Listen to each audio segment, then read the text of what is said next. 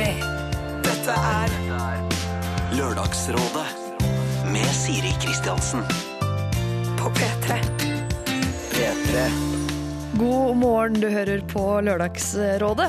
Vi har akkurat hørt Do What You Want With Your Body, som da det er Lady Gaga som står bak det utsagnet, sammen med R. Kelly. Eh, nå er det Lørdagsrådet som eh, gjelder, og jeg tenkte Jeg håper jo egentlig at ikke Jeg håper jo mange hører på, selvfølgelig, men jeg håper at ikke lokføreren kanskje hører på akkurat nå, da. Du der hjemme, hvis du gjør det, så gå og legg deg igjen, for jeg skal snakke om noe du ikke vil vite. Eh, jeg tok nemlig T-banen inn til Oslo i, i forgårs. Og på denne T-banen så var det en mann som var klassisk biff. Altså, han var et kjempestykke med mannfolk, og jeg tenkte at han hadde eh, en perfekt kropp for meg. og jeg merket for første gang på eh, mange, mange år tenkte jeg eh, eh, møkkete, stygge tanker om denne mannen. Og det kan jo ikke jeg gjøre, for jeg er jo i et fast forhold, herregud. Vi har to barn sammen. Signe ble to år i går. Gratulerer med dagen, Signe. Og i Det hele tatt, det er forbudte tanker, men jeg kan ikke få det. Og det dukket opp. Heldigvis var han bare på i ca. to-tre stasjoner, så jeg rakk ikke å bli sånn ordentlig forelska. Det rakk jeg ikke. Men jeg ser jo at det kan skje. Og jeg vet at det skjer eh, mange ganger. Det er sikkert en milli... Kanskje ikke en million. La oss si 400 500 000 stykker der ute som har en kjæreste, men som er forelsket i en annen samtidig. Og det kan være fatalt, men det kan også gå over. Så det er litt vanskelig det der. Skal man bare kose seg litt med det? Det gir jo en slags energi til forholdet. Eller skal man være ærlig på det og dermed ødelegge øh, et forhold som allerede fungerer, og ikke få seg til? Altså, Det landskapet der er så minebelagt at jeg er glad, ordentlig glad, for at ikke jeg skal løse problemer alene her øh, i dag. Straks kommer Are Kalve, Asbjørn Slettmark og Mona B. Riise, og sammen skal vi jo løse da dine problemer, blant annet. Eh, Og vi har fått inn ett allerede, som handler om nettopp det jeg har eh, snakket om. Eh, Vi skal dit, men først skal vi et steg tilbake og høre åssen det har gått med en av de som fikk råd her i Lørdagsrådet i sin spede ungdomstid, vil jeg påstå. Det er et gammelt problem, dette her, som har virkelig eskalert og blitt borte. Lørdagsrådet På P3. P3. Det var eh, Muse og deres Supermassive Black Hole. Vi skal på ingen måte inn dit. Vi skal inn i noe veldig mye lysere og finere, som startet som et eh, problem som vi tok opp her i Lørdagsrådet eh, så langt tilbake som i 2010. Da var det en eh, jente som kalte seg Usikker, som skrev til oss. Eh, Hun hadde vært singel i tre år og hadde møtt en fyr hun likte veldig godt. Han på sin side var nysingel etter et samboerforhold og ville ikke definere forholdet. Nå hadde de vært på dealeren i over et halvt år, og han ville fortsatt ikke definere forholdet.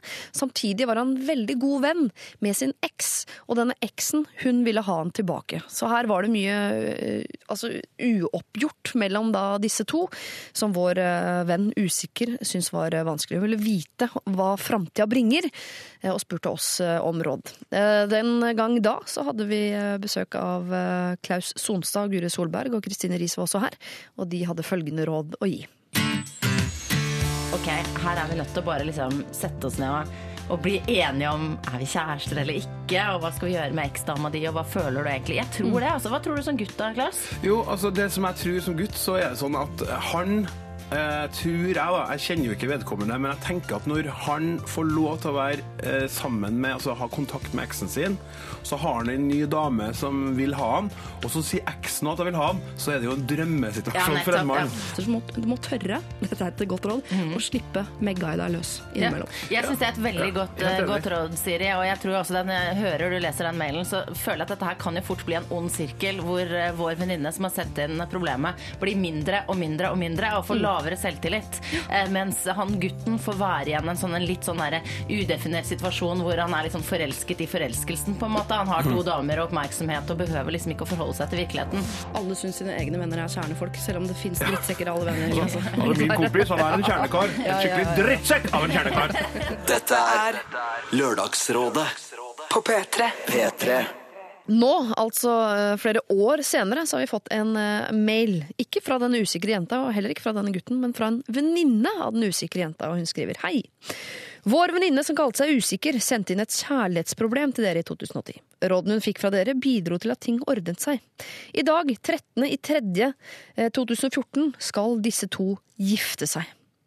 Eh, de bor i Houston for tiden, og vi er to venninner som er her for å delta i begivenheten. Stor fest kommer senere i Norge. I går kveld satt vi sammen med bruden rundt kjøkkenbordet og snakket om hvordan ting var i begynnelsen, og kom på at dette også ble problematisert i brev til dere. Brudgommen vet ikke om dette brevet, og vi kunne eh, tenke oss å spille det av for han under middagen. Kan dere sende oss eh, sendingen dersom den eksisterer? Vi har ikke klart å finne den. På forhånd tusen takk. Hilsen Eva, Susanne og Bent Helen Brura. Eh, Og det har vi selvfølgelig gjort. Vi har sendt hele denne sendingen, eller dette problemet, da, til eh, Houston, Texas. eh, For der er det ikke lenger et problem. Selv om det jo pleier å være det der, da. Det er jo helt utrolig hyggelig å vite at noe som startet som noe uten helt sånn soleklare, eh, blomstrende, lyse eh, utsikter eh, ble altså til et bryllup på Houston. Hvem skulle trodd? Og jeg tar litt av æren og sender resten av æren til Guri, Klaus og Kristine, og selvfølgelig også til brura, som jo har ordna opp sånn i praksis, da. Men jeg klapper meg selv litt på skulderen og koser meg med at vi kan få verden til å bli litt lysere her i Lørdagsrådet. Så send inn problemet ditt hvis du vil være med på moroa. Da bruker du mailadresse lr alfakrøll nrk.no. Gjør det også hvis du sender tilbakemeldinger på problemer du har eh, fått råd på. Og nå skal jeg skjerpe meg, for nå kommer straks rådgiverne. Jeg skal slutte å være så fniste og skal ta på meg alvorlighetskappa og gå inn dette her med armer og ben. P3. Store P var det der med 'Hvis jeg være i din uh, verden'. Jeg tok det på nynorsk, jeg beklager det. Eh, og jeg har fått eh, rådgiverne eh, på sine plasser. I dag er det Are Kalvø, god morgen. God morgen, god morgen. Og så er det Asbjørn Slettmark, god morgen. God morgen. Og Mona B. Riise, god morgen. God morgen. Hva står Ben for? Ja, det er eh, ettersom dagen I dag er det badass. Badass. Mona Badass Riise. Eh, er det mange som har sagt at du ikke ser ut som du heter Mona? Eh. At du er en mer sånn Du kunne hett liksom Alicia? Å, så deilig. Aktiv. Vet du at det var en periode jeg, jeg veldig veldig gjerne ville hete noe annet enn Mona, så jeg prøvde meg på Ramona. Men eh, Ramona ble det ble ikke noe Det ble heldigvis ikke noe seriøst ut av det. Men jeg prøvde en periode å gå vekk fra navnet. Oh, ja. Har dere gjort det, Arild eller Asbjørn? Prøvd noe annet? Bytte navn? Ja. Nei, jeg er såpass lite fantasi at det var en periode jeg hadde lyst til å hete Arne i stedet. Det er det eneste. Jeg var veldig fornøyd en gang. Jeg, jeg klarte da å lage sånn omstokking av eh, alle bokstavene i navnet mitt. Asbjørn Slettemark. Ja. Så det ble til Lars Karsten B. Tjøme. Og da hadde jeg som falsk byline en periode. Du verden. Oi, du verden, ja. Jeg vil gjerne ha, hete Siri Johanne. Jeg syns Johanne var så fint navn, så jeg lot som jeg het det i noen år der. Siri Johanne Kristiansen. Fortsatt et ganske kjedelig navn, spør du meg. Skal vi kalle det Siri Johanne i dag? Ja, Hvis du vil please meg litt ekstra, så blir jeg, jeg blir aldri sur for det. Jeg blir vel Det- heller Det er greit, Siri Johanne. Men jeg, når dere tre kom hit i dag morges, så var jeg helt sikker på at dere tre kjenner jo hverandre, for dere er jo liksom NRK-entusiaster. eh. Men det gjør dere ikke nødvendigvis. Eh, nei, Hvordan kan det ha Ja, seg? altså, jeg og Mone kjenner hverandre. Altså, vi har jo faktisk hatt samme jobb. ja, det har vi. Vi har Ja. vært programleder i Lydverket. Er det noe ondt blod der? Nei, Ikke det jeg vet. Jeg sluttet jo høyst frivillig først. Jeg begynte høyst frivillig. Ja. Etterpå. Ja. Det var ikke noe overlapping der bak ryggen for andre eller noe sånt? Nei, det var ikke noe sånn House of Cards-aktig renkespill og, og sånt. Ikke det. nei. Nei. Men du tenkte kanskje at Are og meg kjenner hverandre fordi vi snakker sånn dialekt? Begge er sånn? vestlendinger. Ja, det var ikke egentlig Begge dialekta. Begge er vestlendinger. Mhm. Og har fornavn som begynner på A. Det er Ja. for mye som stemmer her, egentlig. Dere burde på en måte være brødre nesten, men det, Ja, Siri Johanne, du er helt rett i det, men, eh, men vi er jo ikke det. det er dere ikke, nei. nei. Men eh, Mona, du har ikke vært rådgiver før? Nei, Men det har både Asbjørn og Are. Er det noe dere som kjenner hverandre såpass godt har lyst til å si til Mona om det å være rådgiver i dag? Det kommer aldri til å gå bra. Det er mitt eneste råd. nei takk, det er akkurat sånn jeg føler det. Men eh, jeg skal prøve så godt jeg kan. Er du god på råd? Eh, ja, eh, med nære folk, men jeg syns det er veldig skummelt å gi til eh, folk jeg ikke kjenner, for det kan jo fort slå veldig feil. Og dessuten er jeg en sånn person som mener noe i ett øyeblikk, og det neste så er jeg, har jeg fullstendig forandret mening og syns noe helt annet. Og snur det til vinds. Hvis du sier noe, så sier Asbjørn noe annet, så mener du det han mener. Og så kommer Are med noe tredje, og så mener du det òg. Eh, Kanskje hvis det er bra, da, men jeg er ikke sånn som bare snur meg etter fordi, fordi Asbjørn eller Are sier det. Det tror jeg ikke. Det er sånn. Du er sånn. Alle er sånn. Det kan, bli, det kan bli interessant. Vi får se hvordan det går. Vi skal straks ta morgenens eh, første problem. Det handler om forelskelse. Men eh, først så skal vi høre Rihanna. Dette her er eh, Russian Roulette. P3. Dette er Lørdagsrådet med Siri Kristiansen. Vi går fra Rihanna og hennes Russian roulette og over på et eh, problem uh, som jeg skal lese i sin helhet uh, for dere. Mona B. Riise, Asbjørn Slettemark og Are Kalvø. Eh, hør etter her. Hei, jeg er en jente midt i 20-årene som trenger gode råd. Jeg er forelsket i feil fyr. Vil si, jeg er i et forhold som jeg har vært i i fire år nå, og dette forholdet går egentlig veldig fint. Vi har like interesser, krangler aldri og ler masse sammen. Jeg kan se for meg at vi har det like gøy om 50 år. Problemet er at jeg alltid har vært fascinert av en jeg ble kjent med som 15-åring. Og nå som aldri før. Og Gjennom mine tidligere forhold, det har vært tre stykker, har jeg vært fascinert av den samme gutten. Og jeg har ved et par anledninger kysset denne gutten i beruset tilstand på uteplasser, selv om jeg har vært i forhold. Da har jeg grått i dagevis av dårlig samvittighet etterpå. Gutten har eh, ved flere eh, anledninger sagt at han har vært forelsket i meg, og senest nå i jula som var, eh, så sier han ting som at jeg tar de feil valgene i livet, at vi kommer til å ligge på dødsleiet og tenke 'hva om?' fordi vi aldri har forsøkt å være kjærester. Som dere skjønner er forelskelsen gjensidig, men jeg føler ikke at jeg kan tillate meg til å gjøre noe med den følelsen, fordi han tidligere har tvunget meg til seksuelle handlinger. Det vil si at han ikke har respektert det når jeg har sagt tydelig nei og strittet imot. Dette har vært når han ved noen anledninger har fått meg på tomannshånd. Jeg mistenker at han ikke klarer å sette grenser for seg selv, og at han ikke eh, gjør dette for å være ond og utspekulert. Fornuften sier at jeg ikke bør satse på en slik fyr, siden han kan virke manipulerende noen ganger, men jeg er så forelsket, og jeg tilgir han hele tiden. Følelsene har kommet og gått i hele ni år. Forholdet jeg er i er som sagt fint, og jeg har vært eh, veldig forelsket i kjæresten min også, men som dere vet så går forelskelsen naturlig, eh, naturlig nok over når man er lenge sammen med en person, og man kan begynne å lengte etter nye impulser. Er det unaturlig at jeg velger å fortsette sammen med kjæresten min når jeg hele tiden tenker på den andre gutten? Hvordan kan jeg slutte å tenke på han?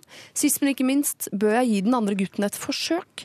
Jeg klarer egentlig ikke eh, tanken på å forlate min fantastiske kjæreste. Jeg vet ikke om jeg kan gå rundt i et forhold med disse følelsene. Hva tror dere? Med vennlig hilsen Stockholm-chick. Altså, la meg rydde opp, for det gikk et lite sånn gisp gjennom salen. Eh, denne jenta har altså en veldig snill kjæreste, men er forelska i en litt sånn badass. Og det er ikke voldtekt inn i bildet her, men hun har følt seg liksom litt uh, halvveis tvunget ut på glattisen ved noen anledninger av denne fyren, da. Som hun da uh, fortsatt har sterke følelser for, og driver og tilgir. Skal hun gi han en sjanse? Nei, syns ikke det. Nei? Nei, jeg vil, jeg vil først protestere på det å så kalle noen som eh, eh, hva skal jeg si, overtale eller tvinge noen andre til noen seksuelle handlinger for badass. Ja, for det er noe Ja, jeg syns det er langt over badass. Da tenker jeg på um, tenker jeg på noen skikkelig kule, stilige folk som gjør Ja. veldig rå ting. Ja. Eh, noen som eh, eksempel eh, hopper utenfor Holmenkollbakken eh, uten å ha trent på det før. Da er du Ja. badass. Mm. Ja. Du er ikke badass hvis du sier til ei Eller prøver å få ei jente med deg på ting de ikke har lyst til å gjøre. Nei. Eh, men jeg, jeg, altså, jeg tenker helt sånn umiddelbart Nei, nei, nei, stopp, stopp en hal. For jeg tenker at her er I dette brevet så er jo denne eh, den andre personen eh, skildra av noen som faktisk liker han. Ja. Eh, og jeg sitter igjen med et inntrykk av at denne fyren er ikke bra i det hele tatt, sjøl etter å ha hørt han skildra av noen som sier at hun liker han. Eh, dette er ikke en bra fyr ut ifra sånn som hun sjøl beskriver han. Og jeg er helt enig i at det, det fins ikke noe kult eller badass med å manipulere folk til noe de ikke vil, og spesielt ikke hvis vedkommende veit at det er noen følelser inne i bildet som han kan eh, spille på. Eh, og så er det noe med han er den du ikke fikk, og derfor er han sannsynligvis veldig mye mer eh, spennende enn han egentlig er når det kommer til stykket. Og så høres kjæresten ut til å være en veldig veldig fin fyr, og jeg liker fine folk. Ja. Dette livet er jo veldig kort, så det er jo litt synd at hun skal bruke så mange år på å, å drømme om noe som hun ikke har, og som sikkert da Det er jo som du sier, at det, man ofte eh, vil ha noe man ikke kan få, eller noe som man vet at man ikke bør ha. Så, så det er sikkert det som ligger her eh, hele veien, og så er det alltid liksom eh, spennende med noe annet. Men hun, hun kaster rett og slett bort tid på å bruke energi på det. Hun må, tror jeg, bestemme seg.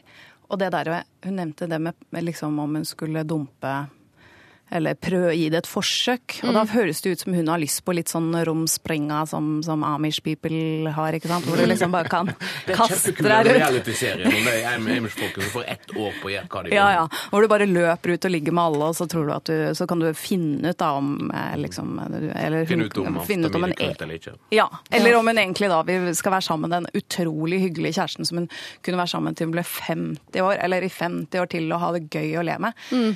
Le masse sammen, Ja, og, krangler det, aldri. og det sier seg selv at sånn der pause i forholdet, det funker ikke. Og hun må heller liksom bare kanskje bestemme seg. I Ja. Amerika så sier man jo sånn 'put the ring on the finger'. Og kanskje hun må liksom bestemme seg. ja. At hun må kanskje Kanskje hun må fri? Og fri til kjæresten sin. Ja, OK, hun må tenke litt over dette. her. Ja, tenk, tenk litt over det. For jeg, tenker, jeg må si at eh, jeg tror alle her er enige om at selvfølgelig skal kunne gi eh, denne fyren her noen sjanse. Men kanskje vi da skal hjelpe henne til å eh, Hvordan skal hun bli kvitt den fascinasjonen? For hun kaller jo til og med Hun kaller seg selv for Stockholm-chick. Det betyr at eh, allerede der vet hun vel et eller annet sted inni hodet sitt at det er ikke en forelskelse, det er noe annet. Hvordan skal hun slutte å tenke på han fyren? Det er det så bor hun i Stockholm. Det kan hende. Å ja, Stockholm-syndrom. Nå skjønte jeg det. Ja. Ja, ja Nei, jeg, jeg, bet meg litt, jeg må jeg bet meg litt fast i to ting hun sa. Det ene er at hun omtaler jo han her eh, som vi da er enige om at vi ikke er med i fanklubben til. Eh, Han omtaler jo med ordet manipulerende. Altså, Fins det noen verre beskrivelse av mennesket enn manipulerende? Altså, det, det, det er helt der oppe, helt der oppe, ja. i, i, i toppkategorien. Ja. Og så en ting jeg la merke til, så jeg tror hun ikke har tenkt så masse over, men som bare liksom rundet ut av fingrene og satt og skrev dette på tastaturet, at han hadde prøvd seg på sånn, å tvinge henne til et eller annet når han hadde fått meg på tomannshånd. Ja. Er ikke det en utrolig negativ ting å si? Det høres ut som som eh, noe som eh, Boston Strangler gjorde når han fikk liksom damen i Boston på tomannshånd. Så tok han fram strømpa og ja. tok på det. Så jeg mener, det ligger et eller annet sånn underbevisst beskrivelse av han her som jeg tror hun skal ta på alvor. Jeg Absolutt. syns hun skal sette seg ned og studere sin egen språkbruk i, i, til brevet, og så finne ut hva hun egentlig syns om han typen her. Og så ta sånne, sånne, eh, sånn magic marker og ta sånn gul på alle Ja, fordi den mailen her kan fungere som en sånn pro-con-liste. Hva er fordelene ved den ene og den andre? Så vil du se at eh, lista på kjæresten din, som beskrives som både fantastisk og morsom og alt det der, den blir ganske lang. Men på han andre jeg, jeg kan ikke Jeg finner ikke et eneste Det er ikke et pent ord om den mannen Nei, sant? i denne mailen. Det er ingenting fint Nei. om han. Det betyr at hun må, hun må ta et valg. Og hun må liksom Ja, vet du hva? Jeg syns ikke hun skal ta et valg, jeg syns vi skal ta et valg. Ja. For nå uh, spør hun oss. Jeg, jeg syns at vi skal velge uh, at hun skal bli hos kjæresten sin. Og så må hun bruke, hvis hun skal bruke noe mer energi på dette her, så må det være å uh, komme over han kjipe fyren. På en eller annen måte. Ja. Hun må bare bli kvitt han inni Gjøre- hodet sitt. Da må hun gjøre fine ting med kjæresten sin og sette stor pris på Den plusslista på han må bare fortsette å, å bygges inni hodet hennes. Ja. Kanskje du skal krangle med han og ta et oppgjør med han og si det og det, og det der var ikke greit. Fordi det kan hende noen ganger tror man er forelsket fordi det er en del spørsmål i lufta man aldri fikk svar på. Så da går man rundt med de spørsmålene, og ergo også den gutten i hodet, og så blander man de følelsene med at man er forelsket. Jeg tror ikke hun er forelsket i det hele tatt. Hun bare klarer ikke å slutte å tenke på han, for det er så mye spørsmål der, eller en konfrontasjon hun burde ha tatt for lenge siden. ja, Det er litt sånn fascina- fascinasjon over the one that got away. Ja. Og det er jo ærlig talt nesten aldri fascinerende. Da det kommer til stykket. Det Det er er en helt grunn til at they got away. La han eh, forsvinne inn i periferien, eh, helst på egen hånd, spør du meg. Eh, og så holder du deg til eh, kjæresten din. Det høres helt fantastisk ut. Og blir du lei av han på et tidspunkt, ja, så er det et annet problem. Men ikke sett det opp mot eh, denne fyren, som du for all del, nei, ikke skal gi en sjanse. Dette er P3. Nothing else eh, matters, sier de i Metallica. Lett uh, å si for uh, dere. Jeg eh, liker det ikke, men jeg har noen sånne fy-fy-ting på lista over eh, hva gutter jeg tiltrekkes av, kan gjøre og ikke gjøre. Altså, jeg blir jo sur på gutter når de sier sånn Nei, jeg kunne aldri vært sammen med en jente med små pupper. Tenker sånn, Jævla mannssjåvinist av en drittfyr, kan jeg tenke da. Men samtidig vet jeg inni hjertet mitt at jeg sliter med å bli tiltrukket av gutter med stor rumpe. Sånn er jeg bare. Da er jeg vel eh, damesjåvinist, eller hva faen vet jeg. Eh, og jeg vet også at eh, en mann med Matrix-frakk ville ikke sluppet inn i noen hulrom i, eh, i mitt levende live. Ei heller folk som driver for mye med data. Sorry, Jesus, bare data er så ekstremt usexy. Du må gjerne være sånn IT-ingeniør, men ikke sitt på jobben og hold på med de greiene der. Hvis du er sånn datafyr, det, det snakker ikke til min mus, for å si det på den måten, da. Ehm, men eh, jeg skal prøve å legge vekk noen av disse fordommene, for vi skal altså inn i et forhold der eh, data nettopp er en stor og viktig eh, brikke. Kanskje er den for stor. Det får eh, rådgiverne lov til å finne ut av, uten at jeg skal prege det for mye med mine fordommer. Men det blir først om en liten stund, altså. Først her The Lumineers. Lørdagsrådet med Siri Kristiansen. På P3. P3. Stubborn Love eh, var eh, den låta der. The Lumineers er altså eh, bandet.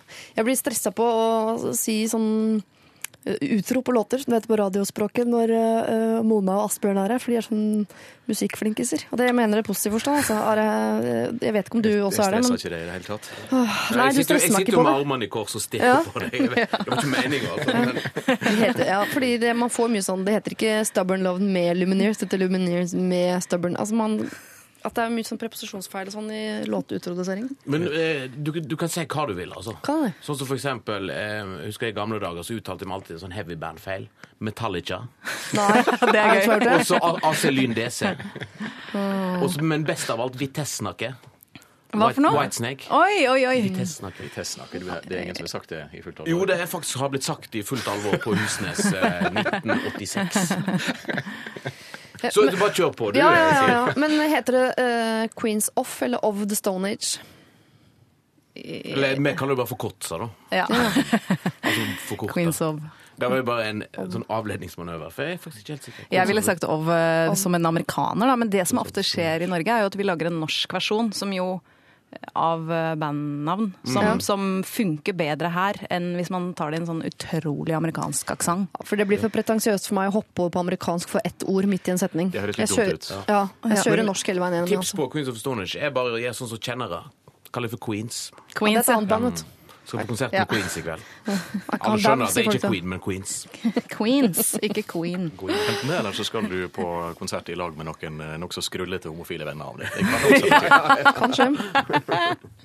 Eh, nok om den låta, det bandet. Og eh, jeg spør hvis jeg har noen flere sånn, eh, Det dukker opp noe mer underveis, men nå skal jeg over på et problem, og her står det. Hei, jeg og min samboer har vært sammen i fem år. Sammen har vi en datter på åtte måneder.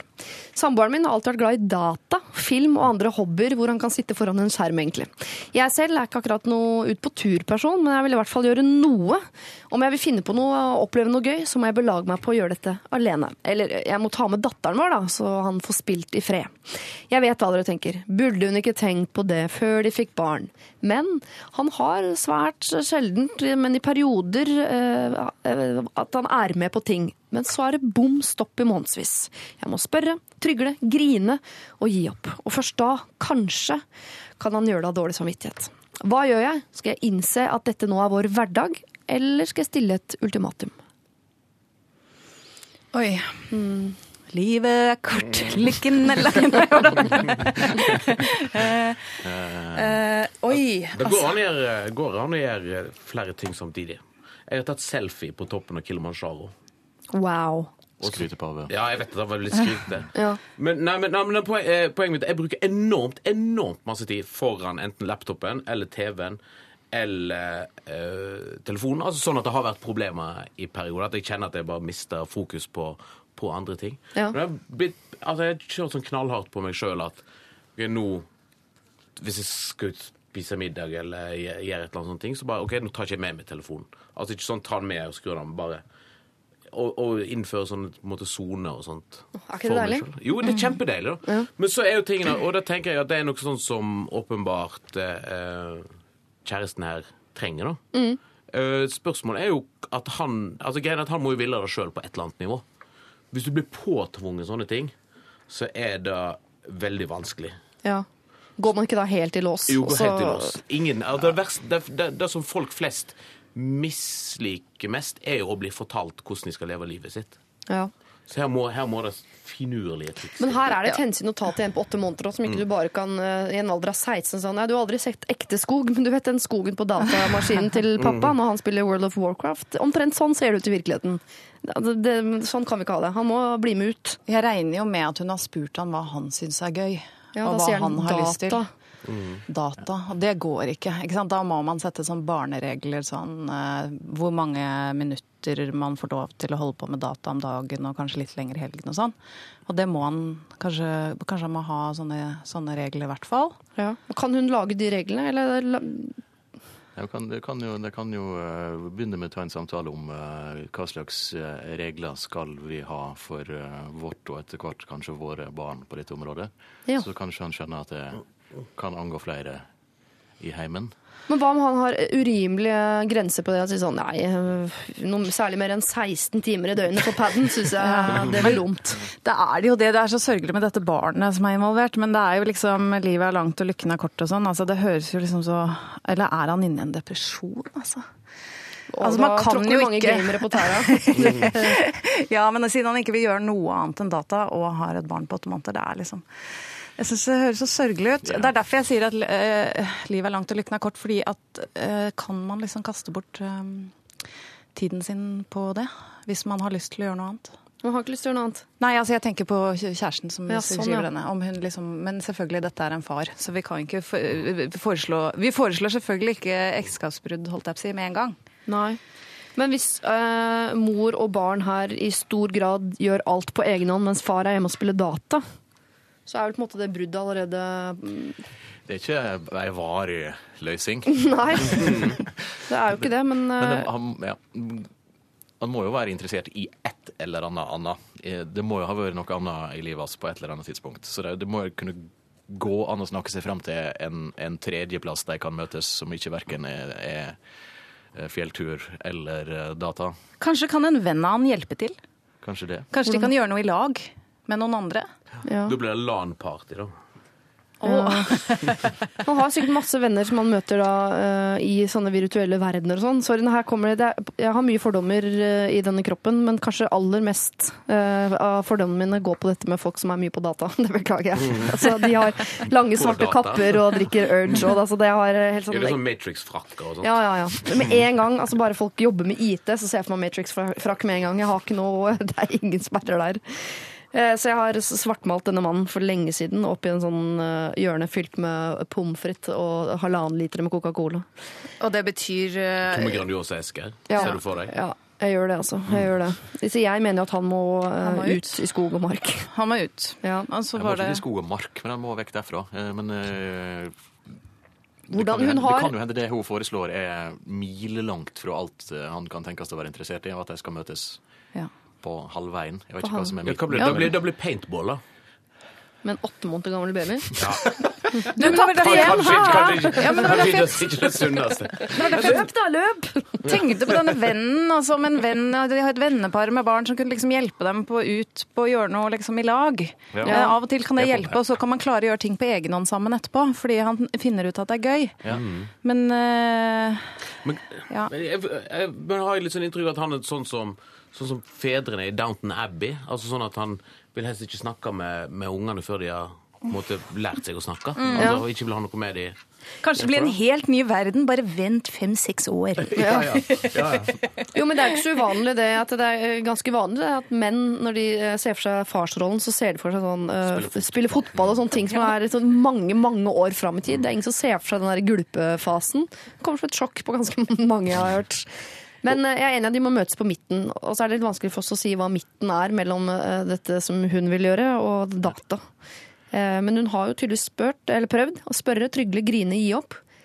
Så da må hun legge, bruke en annen form for kommunikasjon. Han kan bruke freisting. Altså hvis du blir med på dette, så skal du få sitte seks timer helt uforstyrret og spille data i morgen. Det er åpenbart to barn i huset her. Ja, ja, det er det.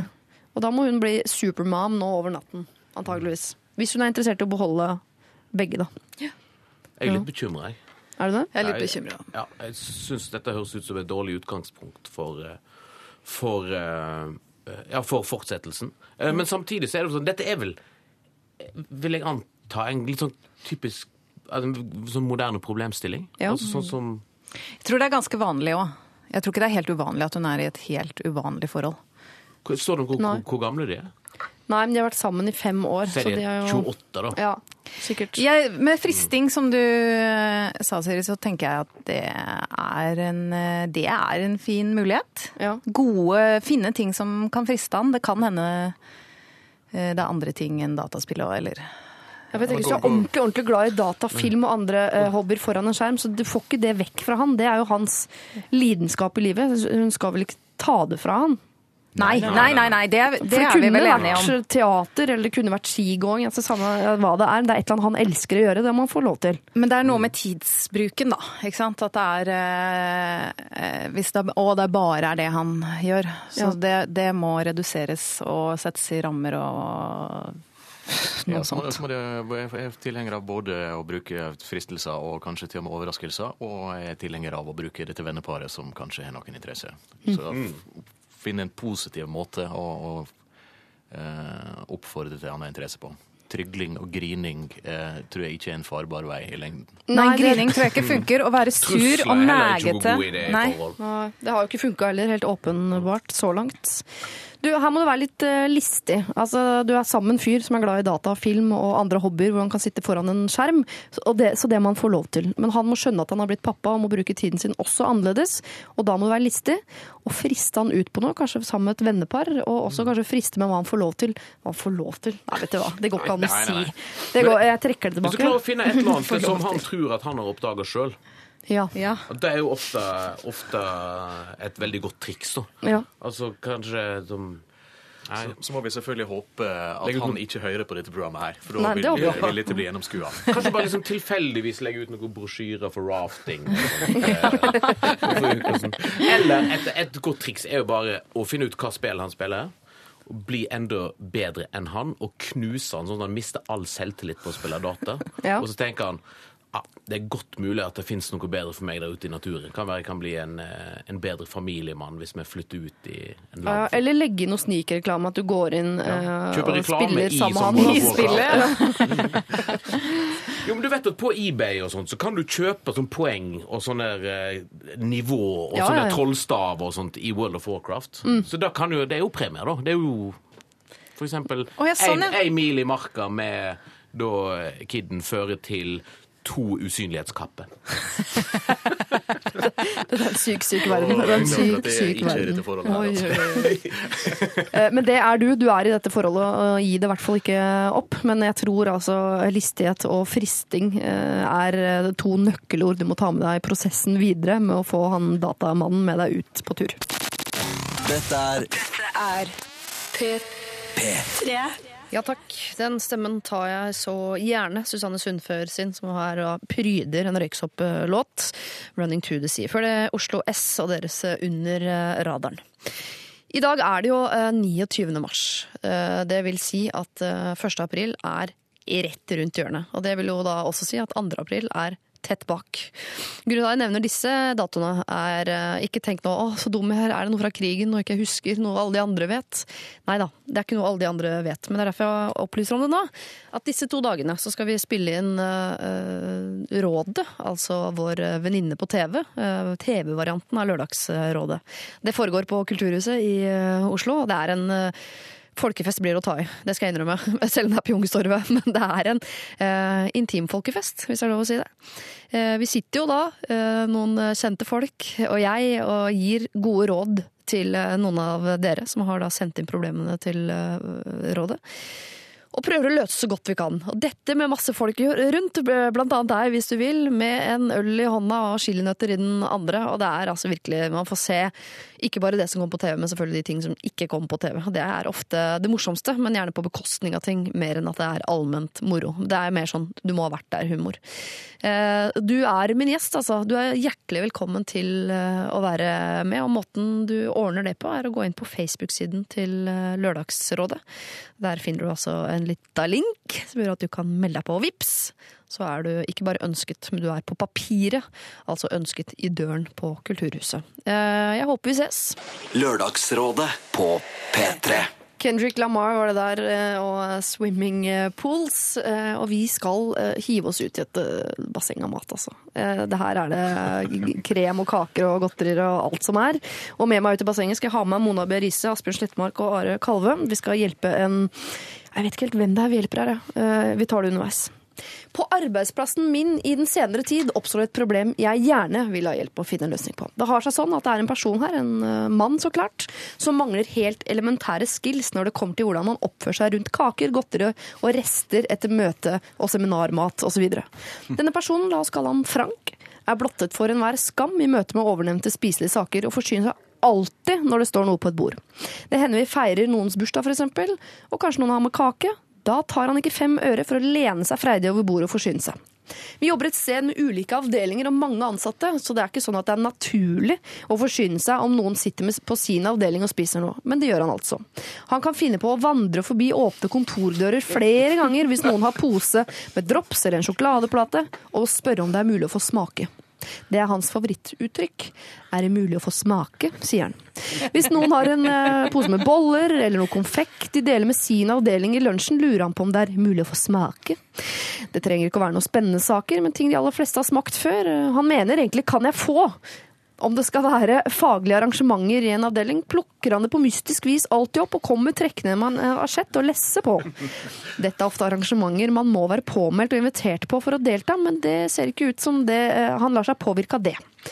Nå har det blitt sånn at noen av oss kvier oss for å ha med søtsaker eller kaker til lunsjen fordi han kommer og forsyner seg. Det føles smålig å bry seg, men det er så utrolig beklemmende, og folk veksler blikk, hever på øyenbryn og baksnakker. Det gjør det dessverre ekstra vanskelig at han er eh, litt tykk og nokså ustelt. Hva skal vi gjøre? Én ting er at godisen blir spist opp, det kan jeg leve med. Men burde ingen korrigere han? Dette er noe man øver på med barn i barnehagen, liksom. Han virker ensom, han observeres ofte på kontoret og pauserommet på kvelden, da han selvsagt får med seg alt av overtidsmatrestene, og han virker innmari langt unna et liv med f.eks. kjæreste. Burde ingen hjelpe han å forstå at han oppfører seg på en uakseptabel og uattraktiv måte, som hindrer han i å delta i et normalt sosialt liv? Og i så fall, hvordan skal man gjøre det uten å ydmyke han totalt? Hittil har ingen sagt noe, for hva skal man si? Nei, eh, skal man si nei når han spør om å få smake? Hilsen lubben og godtesyk sjæl, men med lite grann skam. Ai, ai, ai, ai, ai, ai. Her, her er jeg helt klar. Eh, dette her skal, de skal ikke si noe til han. De skal sette pris på å ha eh, en original eh, på kontoret. De skal glede seg over at det gjør hverdagen på kontoret litt rarere og morsommere.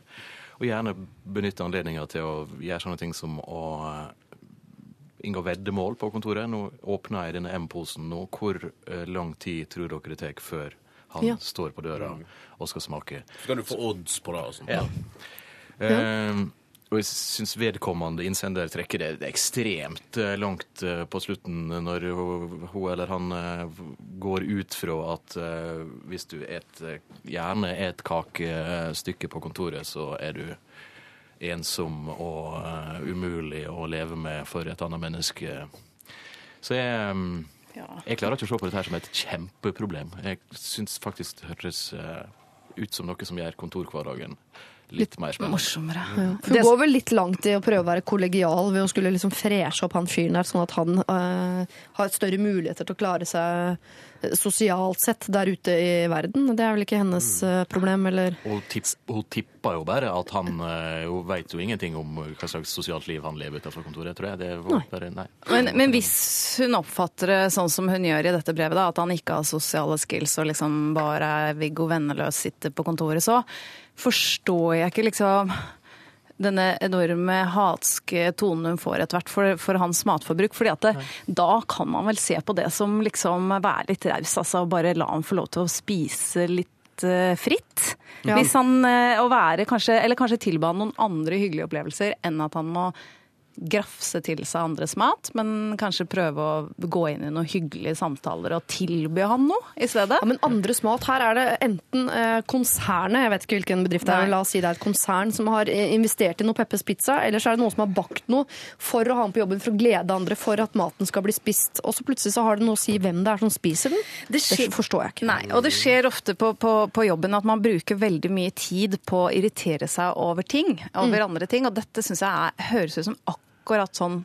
Bare at de liksom må finne en eller annen å liksom snakke om og irritere seg over. Så jeg syns som Arald Ja, at det er litt sånn ikke-problem. Dette, eh, Dette her er litt hakking kamuflert som omtanke, høres det ut som på meg. Mm. Hvis du virkelig er bekymra for at denne mannen er ensom, så kan det jo iallfall ikke være et stort problem at han stikker innom når noen har sosial samling. Da bør du jo heller være hyggelig med han. Sett deg ned og dele den Ja. kaka. Ja.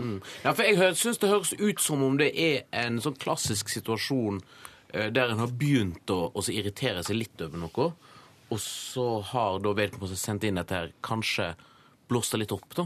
Ja, så har de Altså at- at, at om det, seg litt, og og at han går rundt og irriterer seg over det, og det som kanskje ikke lenger er irriterende, blir irriterende. Altså at, um, at vedkommende som sendte inn, er litt, litt touchy på Ja, noen ganger snakker man på seg et problem uten egentlig sammenligning for øvrig, men jeg har f.eks. snakket på meg flyskrekk ved å si høyt 'jeg har flyskrekk', så har jeg fått flyskrekk. Og dette her, jo, dette er litt sånn, Man sier at han er irriterende, sier eh, Kristin til Turi. Altså, så blir de enige om at han er irriterende, så sier Ture det til Pål. Og så syns Ture, Pål og Kristin at det er irriterende. Og plutselig så har han blitt innmari irriterende. Jeg er sikker på at samtalen hadde begynt sånn han er vel søt, han fyren her, som alltid vil ha kaker. Og så ler man av det. Så hadde alle vært enige om at det var litt sånn søtt og morsomt istedenfor. Så det der tror jeg det, dette er et problem de har skapt på arbeidsplassen. Jeg foreslår å lage ekstra kake litt Mm. oftere og bare gå til Frank først. Frank, vi har lagd kake. Vil du ha? Ja. Han trenger ikke å spørre. Er det mulig at du vil smake litt? Ja, er det mulig at du vil smake litt, Frank? Jo, men snu det fra irritasjon til noe som er morsomt. Ja. Syns jeg man skal prøve. Ja. Du, Frank, du syns jo alltid det er så stas med kake. Har du lyst til å smake først, eller? Ja. Men, Og ikke, men, ikke, men ikke erting. Ikke erting. Nei. La han bare få kake. Og Altså, så, så snakk, snakk med han. Det kan hende det viser seg at han er en skikkelig hyggelig fyr. Det kan faktisk Kanskje han har et enormt sukkerbehov. Antageligvis. Antageligvis. Men er ikke sånne folk som er veldig glad i kake og sånt, er ikke de liksom blitt de nye heltene og sånt? Har ikke de fått egne sånn reality-show der de baker og har sånn bake-off Mm. Ja, ting? men de som er glad i bake og de som er glad i smake, har ikke alltid, Alltid i samme nei, figur. Nei, man kan bli dommer. Ja, det. kan bli dommer i, i bake-off. Ja. Det som er kjedelig her på, eh, på Jeg var på NRK på, på sånn kakesamling, og det var jo at ingen ville ha, for det er ingen som spiser carbs. Og liksom jeg, jeg og en til, så bare Ja, vi tar litt sjokoladekake, mens resten var jo på 5-2 eller noe sånt. Og La oss kunne kalle henne Mona. Resten var nede i mellometasjen og drakk tangsmoothie på, på biblioteket. Ja. Det er veldig kakefokus i NRK, men det er kanskje da på arbeidsplasser. For jeg, jeg er jo altså har hjemmekontor og sånt, og der, der er ikke så veldig masse kakefokus, da. Uh, men uh, Du lager ikke kake sjøl når du har bursdag, eksempel. Nei, og, nei, og, nei, og så kjefter på meg sjøl når jeg spiser opp. og Sånn. Nei. nei, men jeg tenker um, nei, for Jeg tenker at det med kake er jo noe som skal være en positiv greie. Er jo noe som skal være hyggelig. Og her er jo som, som det er sagt i innledningen, at som kaken har blitt sentrum for noe som er negativt. Det må en ta tak og snu det om og gjøre det til noe positivt. Ta Ta kaka tilbake. ja. Ta kaka tilbake. Gi den, den skal deles, den skal gledes. Nå har det blitt sånn at noen av oss kvier oss for å ha med søtsaker eller kake til lunsjen. Hæ? du det hvis du har med noe som skal deles, så kan du ikke du være så opptatt av hvem. av oss, så tror jeg hun sier jeg. Hun må skjerpe seg. Hun må ta med mer godteri og kake. Jeg beklager eh, lubben og godtesyk selv med litt grann, eh, skam. Vi ga deg mer av det. Det var antageligvis ikke det du hadde håpet når du sendte inn mail hit til Lørdagsrådet, men her tror vi altså Vi går ganske langt i å påstå faktisk at dette er et eh, problem eh, dere har skapt på arbeidsplassen. Og dere bør heller prøve å sette pris på at det er en fyr der som er litt annerledes. Ja vel, så er han litt ustelt og spiser mer kaker enn dere. Ja vel, så er han annerledes, da. Sett pris på det. Dette er Dette er P3. To nokså forskjellige låter, vil jeg påstå, uten noe som helst bakgrunn fra uh, utdannelse innen musikk. 'Happy' med Pharrell Williams hadde vi nå, og før det November Rain', Guns N' Roses. Jeg skal ta et uh, koseproblem uh, på dere nå. Herre Kalve eh, og Mona B. Riise og Asbjørn Slettemark. Her står det. Jeg vil ha mer kos, kvalitetstid og romanse fra min kjæreste. Han var veldig koste før, men nå er det ikke noe. Jeg tviler ikke på følelsene hans i det hele tatt, så det er ikke det som gjør det. Jeg har prøvd å snakke med han om dette, eh, men nå har jeg sluttet å ta initiativ i håp om at han skal ta initiativ. Gitt han ekstra oppmerksomhet har jeg gjort, eh, kjærlighetslapper, massasje, overrasket han med middag osv. Jeg aksepterer eh, at kanskje han bare ikke er så grådig kost av seg, men ingenting her fungerer. Han er lite begeistra når jeg prøver å få han med på noe nytt og potensielt gøy, som å gå på tur i fjellet med en flaske vin, grille i hagen, sove i telt, personlig julekalender osv. Vi har veldig lite penger, så det er vanskelig å gjøre noe som faktisk er gøy. Jeg prøver å være oppfinnsom på budsjett, men vanskelig når eh, hver idé blir skutt ned. Jeg er veldig koste, jeg vil ha mer hverdagskjærlighet, og innimellom litt ekstra spesiell romanse. Jeg forventer ikke uoppnåelige ting, det er de små tingene som betyr noe for meg. Så hva gjør jeg? Jeg orker ikke tanker på et liv uten romanse. Med vennlig hilsen koseløs. Kan jeg få oppklart noe? Ja. Kos, er det sex, eller er det liksom Nei, nei. klemming og holde i hånden og sånn? Det er det det er mer, ja. Mm. Kiling. Stearinlysen på middagsbordet og sånn. Ja, okay, så- stryking, så- så- kiling. Det var sånn jeg tolker det, i hvert fall. Ja. Altså, Jeg tolker det som å sitte, sitte i armkroken i Ja. sofaen på en tirsdag. okay. og se på en Jennifer Aniston-film. Ja. Akkurat det siste her tror jeg blir vanskelig å få gjennom, men eh, Det syns jeg er urettferdig å prøve å tvinge noen med på. ja. Men man koser seg jo inn i et forhold, eh, og alle er glad i kos, egentlig, tror jeg på. at Vi er jo avhengig av eh, kroppskontakt og kos. Hvorfor slutter vi med det? Altså for det, ja, jeg tenker det er spørsmålet. Hvorfor vil ikke denne mannen ha kos lenger? Hva er det som eh, Hva skurrer? Jo, det var jo ikke bare det heller. Det sto jo at han skyter ned alle initiativ Ja. og ideer Her- som, som høres enda mer skummelt ut. Ja, for dette var ikke bare, dette var ikke bare som hva det, eh, altså likegyldighet. Dette var jo ren og skjær negativitet til forslag om mer hyggelige ting. Det høres ut som depresjon. Hør psykolog Mona Berisa. Riise. Jeg syns dette høres ut som et klassisk sånn, noe jeg kaller et bilforhold. Hvor man har altså en gass og man har en brems. Og begge to er veldig viktig i det forholdet, men det er utrolig irriterende for gassen at bremsen hele tiden vil bremse. Men det er ikke bra for en motor at du gasser og bremser samtidig. Nei, det er ikke bra. Så man må eh, av og til gasse, av og til bremse. Mm, sammen. Ja. Men han vil ikke gjøre noen ting. Hvorfor ikke det, da? Nei, og da, hvis det, det hun er foreslått her, høres jo ut som ting som det er umulig å tolke som noe annet enn eh, velvillige og positive og hyggelige ting. Og hvis du er direkte negativ til det, da er det jo noe mye mer alvorlig som er galt enn eh, at du ikke liker å bli tatt på eh, i sofaen på tirsdagskvelden. ja. Men jeg tror er negativ til armkrok, eksempel, eller negativ til konseptet romantisk middag, Ja. så, så er det jo et eller annet galt. Men jeg tenker, jeg tenker at en kanskje eh, Det er kanskje litt kjedelig, da, men rett og slett ta den store samtalen. ja. Altså, hva vil du? Hva syns du er koselig at vi gjør sammen? Syns du vi har det fint? Er du fornøyd med dette? Altså, ikke, og da tenker jeg ikke sånn konfronterende, men sånn litt sånn altså, Måtte stille seg med åpne armer og si unnskyld, men Ja. vi har vi litt forskjellige forventninger her? Ja. Eh, har vi litt forskjellige planer for livet vårt? Jeg trenger å vite noe. Hva vil du egentlig? For Ja, for eksempel, vil du, vil du at vi skal sitte i hver vår side av sofaen og se på Bruce Willis, eller skal vi sitte sammen i kroken og se på Jennifer Aniston? Begge deler tenker jeg må være fint, for jeg syns det er rart. eh, Jeg kan skjønne sånn, jeg, jeg maser på å få fotmassasje. Det er ikke så ofte jeg får, men det er veldig sjelden jeg får nei på å gi. Så skjønner du, og Her virker det som jeg er en som Det er greit at ikke han er så innmari sånn tafsete av seg, men at hun tafser på han, må jo være greit. Hvorfor liker han ikke det?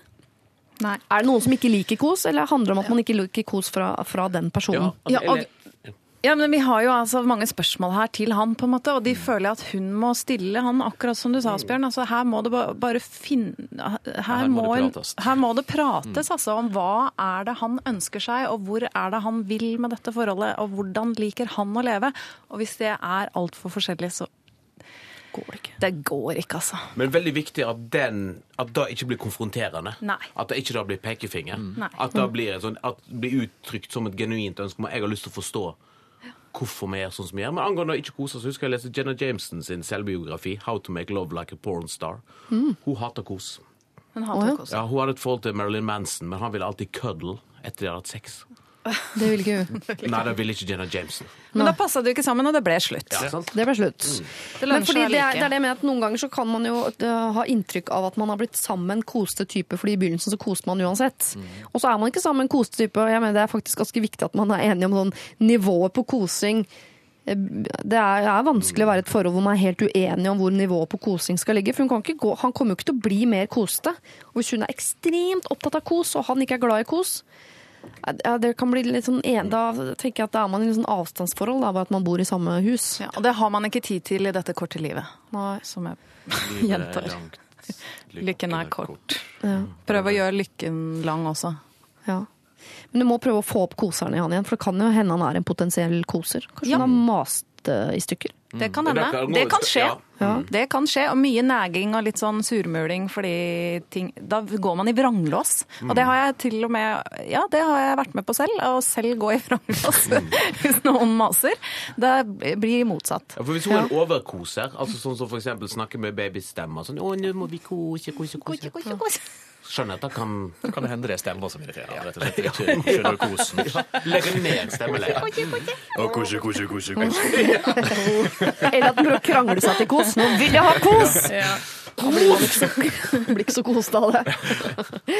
Her er det mer spørsmål enn råd, nesten. Eh, Kjære koseløs. Dere er nødt til å finne liksom hvor ligger nivået på eh, ønsket om kos i forholdet. Er han en potensiell koser? Har du mast det bort?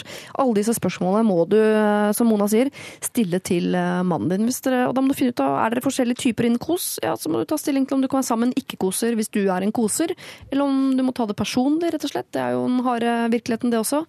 Denne samtalen må du ta. Og vi vil gjerne vite hvordan det går. Om det kom noe ut av den praten. Har det blitt mer kos? Har det blitt mindre? Hva gjør dere nå, f.eks.? Da sender du det inn dit hvor du sendte spørsmålet ditt, nemlig til lralfakrøll.nrk.no.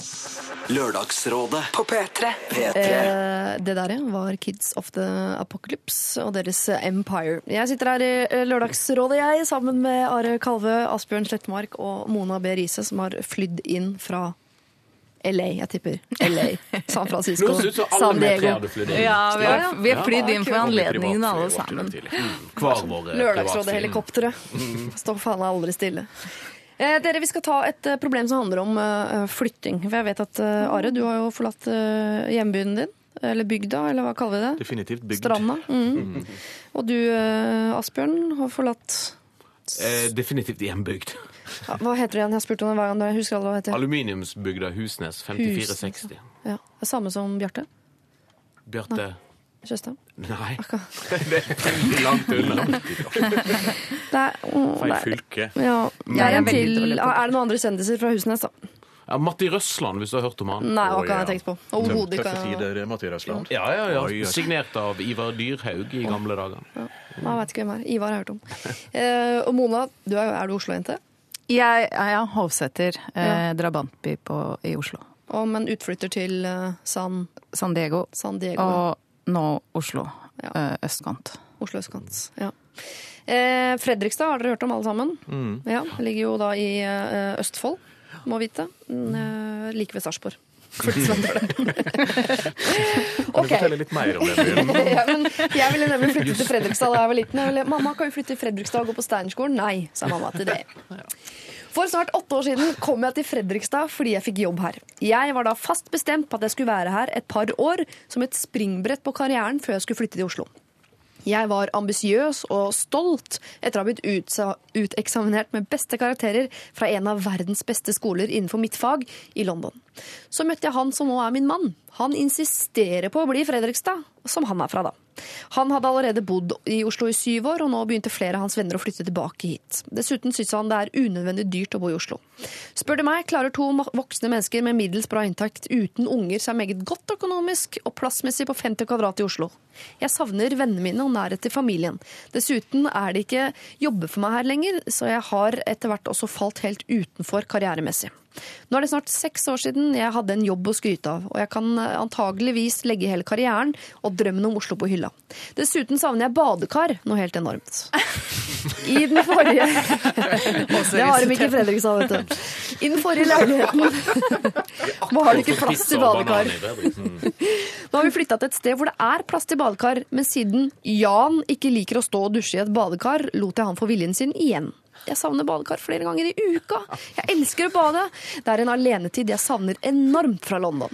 Mannen min bagatelliserer disse tingene som er så viktige for meg. Oslo, alt som skjer der, nærhet til venner og familie, karriere og badekar.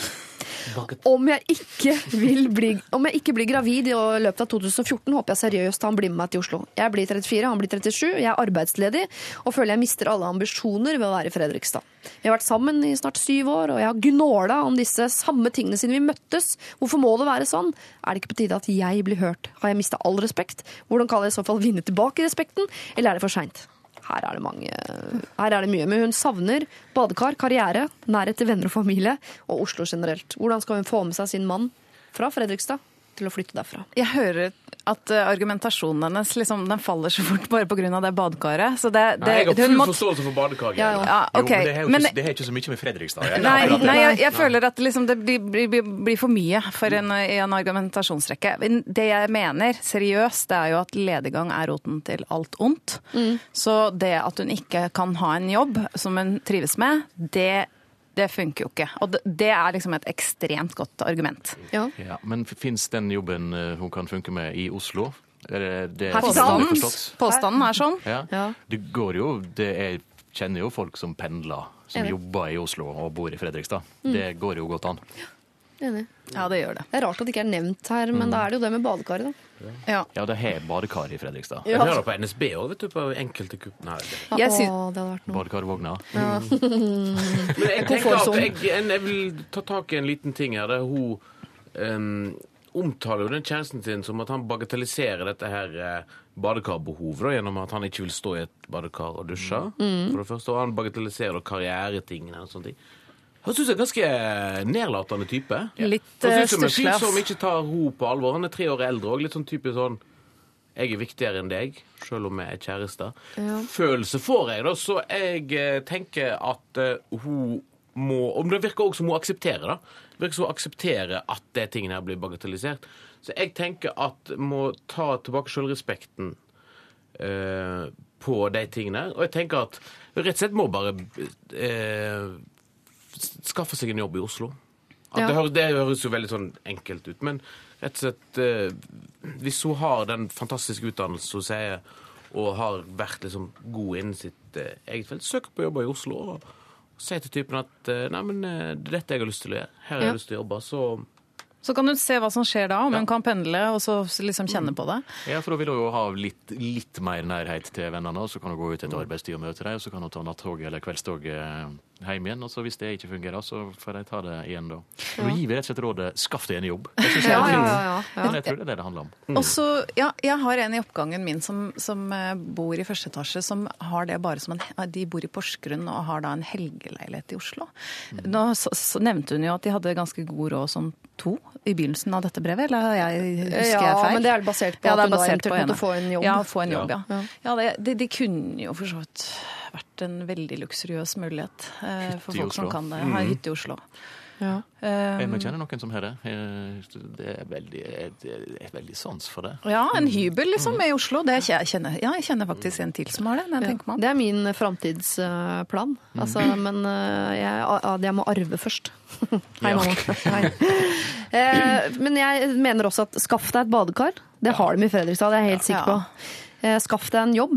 Det har de i Oslo, det er jeg helt sikker på. det fins jobber i Oslo. Ja, det gjør det. Skaff deg en karriere. Det er jo da tett eh, sammen med denne jobben. Og idet du begynner å jobbe i Oslo med bord i Fredrikstad, så eh, er du jo hos venner og familie hver gang du er i altså Da kan du ta for eksempel, hvis jeg blir enig om hver torsdag så drar jeg på jobb, og jeg kommer ikke hjem før på fredag, for da blir jeg over. Altså, sover hos mamma eller er på besøk hos venninner eller noe sånt. Og jeg, på sikt da få seg denne ekstra leiligheten hvis økonomien skulle tilsi det.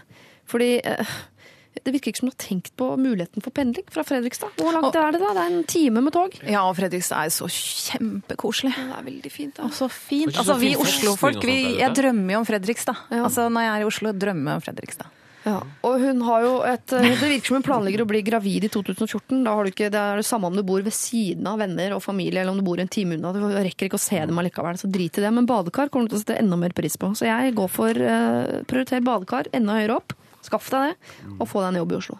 Ja, og så ta et lite oppgjør med denne bagatelliseringen som typen holder på med, av tingene som hun syns er viktig, karriere og badekar. Jo, men jeg tror For ikke-badere så er det veldig vanskelig å se for seg hvor viktig det er for oss badere å ha badekar. For jeg har også hatt, Det er nesten jeg følt som et tomrom i kroppen min de årene jeg var uten badekar. Det kan, være, det kan ikke være vanskelig å forstå det hvis du ønsker å sette deg inn i hvordan kjæresten din har det. Så det, dette må han bare, Ja, her må han bare ta seg sammen. ta sammen. Men jeg lurer på en, eh, bare en sånn avtalebrudd, nærmest. Hvis man eh, Hun er i Fredrikstad, blir sammen med en fra Fredrikstad. Ligger det ikke da på en måte i eh, kontrakten at det er Fredrikstad som er eh, på en måte den byen de skal være sammen i?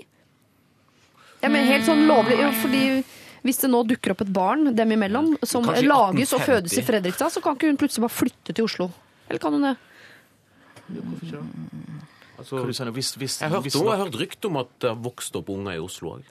Ja, men eh, hvis to kjærester bor i heimbyen til den ene, eller møtes i heimbyen til den ene, så, så skal de bli boende der livet ut? Er dette en lov som jeg ikke har hørt om? Den loven har ikke jeg hørt om heller, for det, det tenker jeg det må vel det må vel eh, Ja, da må man finne ut hva som passer, passer for eh, den enkelte. Uten barn er jeg enig i at ikke dette er en eh, skrevet lov, men mer en sånn eh, noe man snakker hvert fall Jeg kunne aldri flyttet til Oslo nå. Jeg, jeg altså, traff mannen min i Son, han er fra Son, da blir vi Son. Sånn er det. Jøss, men da har, du, da har du laget den regelen sånn at det skal funke i ditt forhold. Så jeg tror ikke du skal spre den tankegangen til absolutt alle. ditt eget liv og en allmenn regel. Det er to forskjellige ting.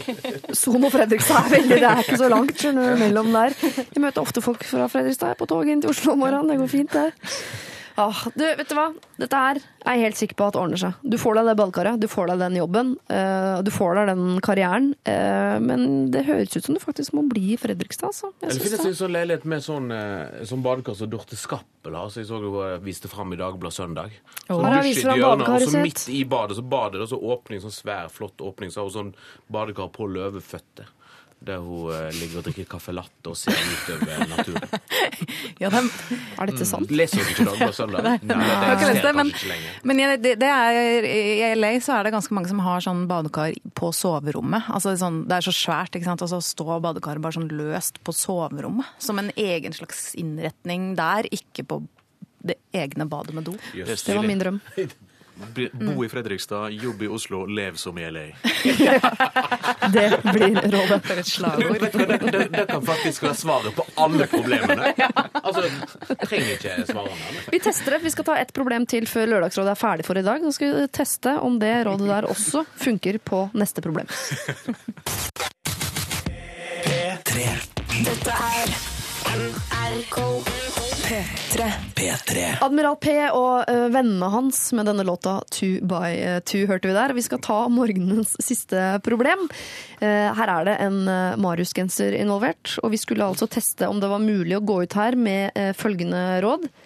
Bo Eh, i Bo i Fredrikstad, jobb i Oslo, lev som i LA. Ok. Hei, kjære Lørdagsråd. Jeg har et dilemma hvor jeg er litt usikker på hva jeg skal gjøre. Jeg har nylig slått opp med kjæresten min, som jeg har hatt de siste tre årene. Det var ingen dramatisk avslutning på forholdet, følelsen hadde bare kjølnet, og vi fant ut at vi ikke passet så godt sammen. Det er ingen dårlig følelse mellom oss, men vi snakkes heller aldri. Vi har felles venner, men har ikke vært i noe felles lag ennå. Det jeg er litt usikker på, er hva som er vanlig når det gjelder ting vi har gitt til hverandre da vi fortsatt var sammen. Jeg strikket nemlig en Marius-genser til han som jeg syns ble dødsfin, og jeg er veldig stolt over den. Jeg brukte over et år på å lage den, jeg er nemlig ikke flink til å strikke, og det gikk mye tid og energi ned i denne genseren. Den er i en størrelse som også passer meg fint, og innerst i sjela ønsker jeg meg egentlig denne genseren tilbake. Er det helt lost, eller kan jeg få den tilbake på et vis uten å virke helt bitchy? Jeg håper dere kan hjelpe meg. Hilsen en som ønsker seg Marius-genser, men aldri i verden orker å lage en til. Jeg bor i Fredrikstad, jobb i Oslo, leser lev som LA. LA. Det er det beste. Marius-genseren ganske kjapt. Oi. Hvis, hvis eh, de har et, så greit forhold som hun beskriver her, og bruddet var så uproblematisk som eh, det var, og, så vil jeg jo tro at eh, hvis hun legger fram sitt ærend med like mye sjarm som hun gjorde i dette brevet, så vil hun få en genser. Ja. Men jeg mener glem det. Fordi at altså, er han så grei og bruddet så ukomplisert, så tro let go, altså. Det Du var har veldig, lett- veldig fin genser. Som hun brukte et år på. Ja, nei, vet du hva, der, der mener jeg at det er litt av Altså, han har brukt tid på henne som kjæreste, hun har brukt tid på han. Hun får bare være glad for den fine tiden de hadde, og tenke at det var en kjærlighetsgave. Ferdig med det. Jeg, jeg tenker litt sånn Seinfeld-aktig. Altså Hvis du da krever, eller hvis du da spør om å få den tilbake, så er du litt George Costanza. Ja. Altså Det er et eller annet litt sånn En gave er en gave. Altså Uansett hva som skjer etterpå, så er det på en måte Da er det Altså Da er den gitt bort. Den er da den som ute av spill. Men hva om han aldri bruker Han syns egentlig genseren er stygg. Han Han liker ikke Marius-gensere. Eller han er potensielt på vei inn i et nytt forhold med en dame som er nokså sjalu, som vil si at hvis du bruker en genser fra ditt forrige forhold, så brenner jeg kåken din. Altså, Vi kan jo stoppe et potensielt fremtidig problem her. kanskje hun dama begynner å bruke genseren, så ser hun et Facebook-bilde av de to den nye dama har. Det er et problem. Altså. Men jeg tenker ja, det en litt, altså Hvis en da hvis, altså, ut, Prinsipielt sett så mener jeg at en ikke kan spørre om å få gave tilbake. Nei. Men hvis det viser jeg da, hvis det skal være sånn pragmatisk, han ikke bruker den, hun har veldig lyst på den, og de er gode venner, så er jeg veldig sånn på, som, som Are ser. Sånn. Ja, Send en hyggelig elektronisk post Ja. og si at, eh, at sånn, Først si at du, den genseren Hvis du ikke bruker den, hvis den ikke er så viktig for deg, så betyr den ganske masse for meg. Så hvis jeg kan få den tilbake, og så slenger et eller annet i potten. Innspill, innspill, innspill. Ikke gjør det på elektronisk Ja, for du Det kan slå deg. Ja, den e-mailen den kan slå deg tilbake som bare så grusomt eh, menneske, liksom så gjerrigknarkaktig eh, liksom, Han kan vise sånn det til alle hvis han ler av det, hvis det kommer feil ut. Jeg mener må snakke, må snakke, må snakke ansikt til ansikt. Eller på, på telefon, i hvert fall. Fordi du du vil ikke ha den mailen. Vil du ha den mailen rundt til alle venner om den derre knarkete liksom skal ha tilbake genseren sin? Nei, men, men vet du hva? det sjarmerende, sånn som, sånn som vi gjorde her. Jeg vil heller ha det på mail enn måtte uh, gå inn i en sånn face to face-aktig samtale. For at hvis han vil beholde Marius-genseren, men så er det ikke sikkert han tør å si fra hvis hun står der face to face, men i mail så kan han jo summe seg litt, ta seg en kopp kaffe og så sette seg og skrive. Vet du hva, jeg bruker? litt sånn artig med litt sånn smilefjes og, og, litt, sånn- og skriver det som en liksom sånn joke. Sånn Ja. at hvis den mailen her blir spredd, så kan det være verdens mest sjarmerende, artige mail sånn, som går viralt. Jeg er så skeptisk. Jeg mener bare Jeg tror egentlig jeg bare ikke er med på dette laget om å prøve å få den tilbake. Jeg mener at hun rett og slett bare må eh, gi tapt, altså. Det var en kjærlighetsgave. Ferdig med det. Få en annen til å strikke en Marius-genser til deg. Bruk penger på det. Men her kjenner jeg at jeg er helt alene. Ja, ja. Nei, jeg mener at medium, medium er uvesentlig. Det viktigste er, så lenge det er gjort med sjarm og humor, sånn som det er i denne posten hun har sendt hit, så, så kommer dette her sannsynligvis til å bare være ei morsom historie de imellom, og hun får tilbake genseren. Kan lage en sånn artig musikkvideo på YouTube. OK, da. Sånn som blir sånn viral, og sånt, og så blir det kjempemorsomt å komme på CNN og sånt. Mm, Så blir det kjempeopplegg. Kan jeg flytte til LA? Ja, tenker du Ha én leilighet i Fredrikstad! Jeg tenker du skal lage musikkvideo i bar overkropp, og så skal hun si 'hva mangler her', aktig, eller hva? Det er en Ja. kjempeidé! Ja, ja. ja. Skulle hatt en Marius-genser. Ja, ja. Å, vi Nå, kommer, nå nærmer dere dere en bedre løsning, syns jeg, og jeg er på glid. Ja, det er lettere å skrive e-mail. Mye mer realistisk eh, løsning nå. Ellers så finnes det jo nokså mange Marius-gensere der ute. Både på Uff og Fretex og i vanlige butikker også, tror jeg. Så det skal være mulig å få tak i. Ja, folk er kjempeflinke til å strikke nå, har jeg sett. Ja. Men jeg Det er ser en for meg litt sånn. Jennifer Aniston-aktig film her, da. Du er veldig opptatt av Jennifer Aniston. Det er ikke alle, da. Skal du lage film nå? Nei, egentlig ikke. Nei, men altså sånn Tenk deg, for det, Hun sa jo at dette hadde kjølna, at de hadde gått fra hverandre. Men jeg tror Og de blir sammen igjen. Ja, de blir sammen igjen? Det er det er genseren som fører deg sammen igjen. Å, det Og var så um, kan jo da oh. filmen hete Følelsene, bare Husk dette her når, før du lager tittel på filmen, for følelsene kjølenhet. Men er det da Marius-genseren som skal varme det opp igjen? Bare bruk det inn Den i varme Marius-genseren. Åh, Marius-genser fra annen etasje. Er det, altså, er det noe Det var vakkert. Oi, oi, oi. Ja. Så Eh, og så flytter de til Fredrikstad Mm. og, og tenker seg jobb i Oslo. ja. Og har badekar midt i soverommet. Og, og så lager de masse små babyer som går i sånne der ugly children, sånn Marius-genserbodyer. Å, gud, lite suppa. Og kjører rulletekst. Du, lykke til. Eh, Mona er helt imot at du skal be om å få den eh, Marius-genseren tilbake. I så fall må det være via en utrolig morsom YouTube-video. Andre mener du kan sende en eh, mail. Men det fineste av alt er om dere to blir sammen igjen og deler Marius-genseren og framtiden. Takk for oss.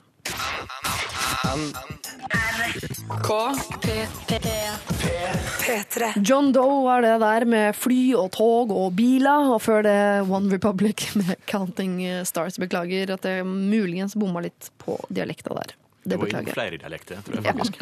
Litt sånn Nato-inspirert dialekt. Eh, dere skal få lov til å dele ut en eh, T-skjorte Eh, Og her må dere for første gang i dag bli enige. Jeg skal lese dagens kandidater. Vi har en eh, jente som har verdens beste kjæreste, men er forelska Eller klarer ikke å slutte å tenke på en eh, helt forferdelig fyr. Det har vi bedt henne gjøre. Slutt å tenke på han. Eh, Vær sammen med kjæresten din. Vi har en eh, jente som har en venninne som alltid låner penger og aldri leverer tilbake. Og hun låner både tamponger og i det hele tatt, så gir aldri noen ting tilbake. Så har vi et samboerpar der de har en baby på åtte måneder, men han vil helst bare drive med data og blir aldri med ut i det virkelige liv sammen med kona og babyen.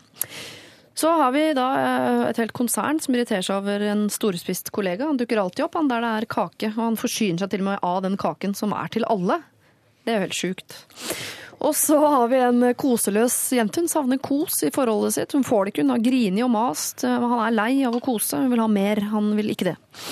Så har vi et eh, par som bor i Fredrikstad. Hun vil eh, ikke bare flytte til Oslo, hun vil ha et badekar og en karriere og i det hele tatt. Så jeg har fått beskjed om å leve som i LA, bli boende i Fredrikstad, men få seg en karriere i Oslo.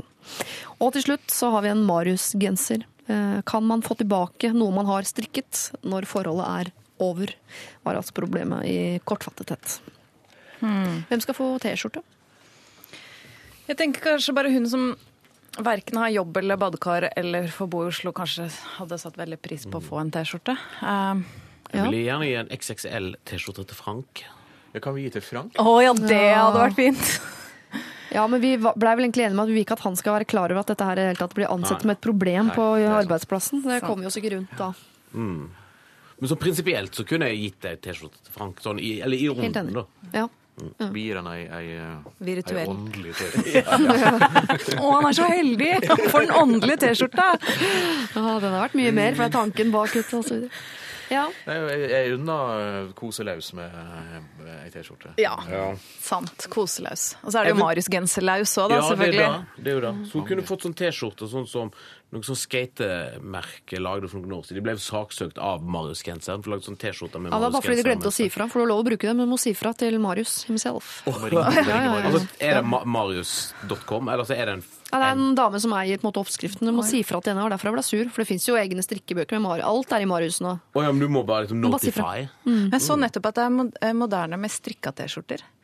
Bare malapropos, mal apropos, egentlig. Men altså, det, Altså, som er strikket? Strik, en T-skjorte som er strikket, er kult. Det er sånn som man uh, står på snowboard med og sånn nå utapå en genser. Jeg Stå følger med. snowboard med, det er liksom det kuleste, hippeste. Jeg følger med på mote. uh, men eh, så jeg bare tenkte hun kunne fått en strikka T-skjorte hvis noen av oss var gode til det, men det er vi Ikke vel for å ikke. ødelegge mora, altså, men vi har allerede Det er ikke sånn at jeg etter hver eneste sending lager Lager den fra bånna. Å nei! Nei. Det er på rekvisittalageret sammen med penner og alt mulig annet som er ferdig produsert. Jeg går for, jeg går for uh, vår uh, nye venninne i Fredrikstad. Ja. Som, ja, men som jeg syns uh, måtte presenterte problemet sitt på en sånn fin måte. Og virker veldig løsningsorientert. Ja. Altså Hun virker som hun har liksom, genuint lyst til å få dette til, og er forelska i, i typen sin. Slitt litt med, med denne her eh, hjemkjærligheten hans. Men sånn er det. Sånn, hørtes ut som ei Ja, for dere har jo en som mangler kos, og så har vi en som mangler en Marius-genser. Men så har du hun som mangler ikke bare en uh, jobb i Oslo, men karriere, nærhet, familie, venner og et badekarriere. Hun mangler veldig mye. Og hun må være sterk nå. Hun, må liksom, hun trenger ekstra support. Hun skal tross alt ut og skaffe seg en jobb for å få seg et ordentlig liv som hun ønsker seg, med badekar. Ja. Så jeg, jeg tror på det. T-skjorte til Fredrikstad. T-skjorte til Fredrikstad. Åndelig T-skjorte til Frank. Ja. Da blir det altså eh, en åndelig T-skjorte til eh, Frank, og så blir det en eh, ekte, ikke strikket, men masseprodusert P3-T-skjorte til vår venninne i Fredrikstad, som har et liv foran seg som om hun skulle vært i LA, og en karriere i Oslo og et hus i Fredrikstad, et badekar i det hele tatt, og da den T-skjorta. Eh, tusen takk for at dere ville være rådgiver i dag. Mona B. Riise, Asbjørn Slettmark og Are Kalvø. Ha en fin lørdag. God lørdag! Lørdagsrådet På P3. God råd fra Matilda der, altså When Something Ends, og før det Envy og deres eh, One eh, Song. Dagens lørdagsråd er også over. Eh, Jeg legger stemmen ned, for jeg syns det er litt dystert. Men vi er tilbake om en eh, uke, så du kan jo sende inn eh, mail så lenge med problemet ditt. Hvis du har, da. lralfakrøll.nrk.no. Det, altså, det er også der vi tar imot tilbakemeldinger, hvis du har en av dem som har fått råd i dag. Eh, Denne sendingen kan du selvfølgelig laste ned i sin helhet som podkast i løpet av kun kort eh, tid. Og så må du jo gjerne fortsette å kose deg her på kanalen. Både gjennom nyhetene, men også på andre sida der, hvor eh, Radioresepsjonen får eh, slippe til med eh, godbiter fra gamle sendinger. Eh, Vi høres om en uke. Ha eh, det fortreffelig enn så lenge. P3 Dette er Lørdagsrådet på P3. P3. Hør flere podkaster på nrk.no podkast. 3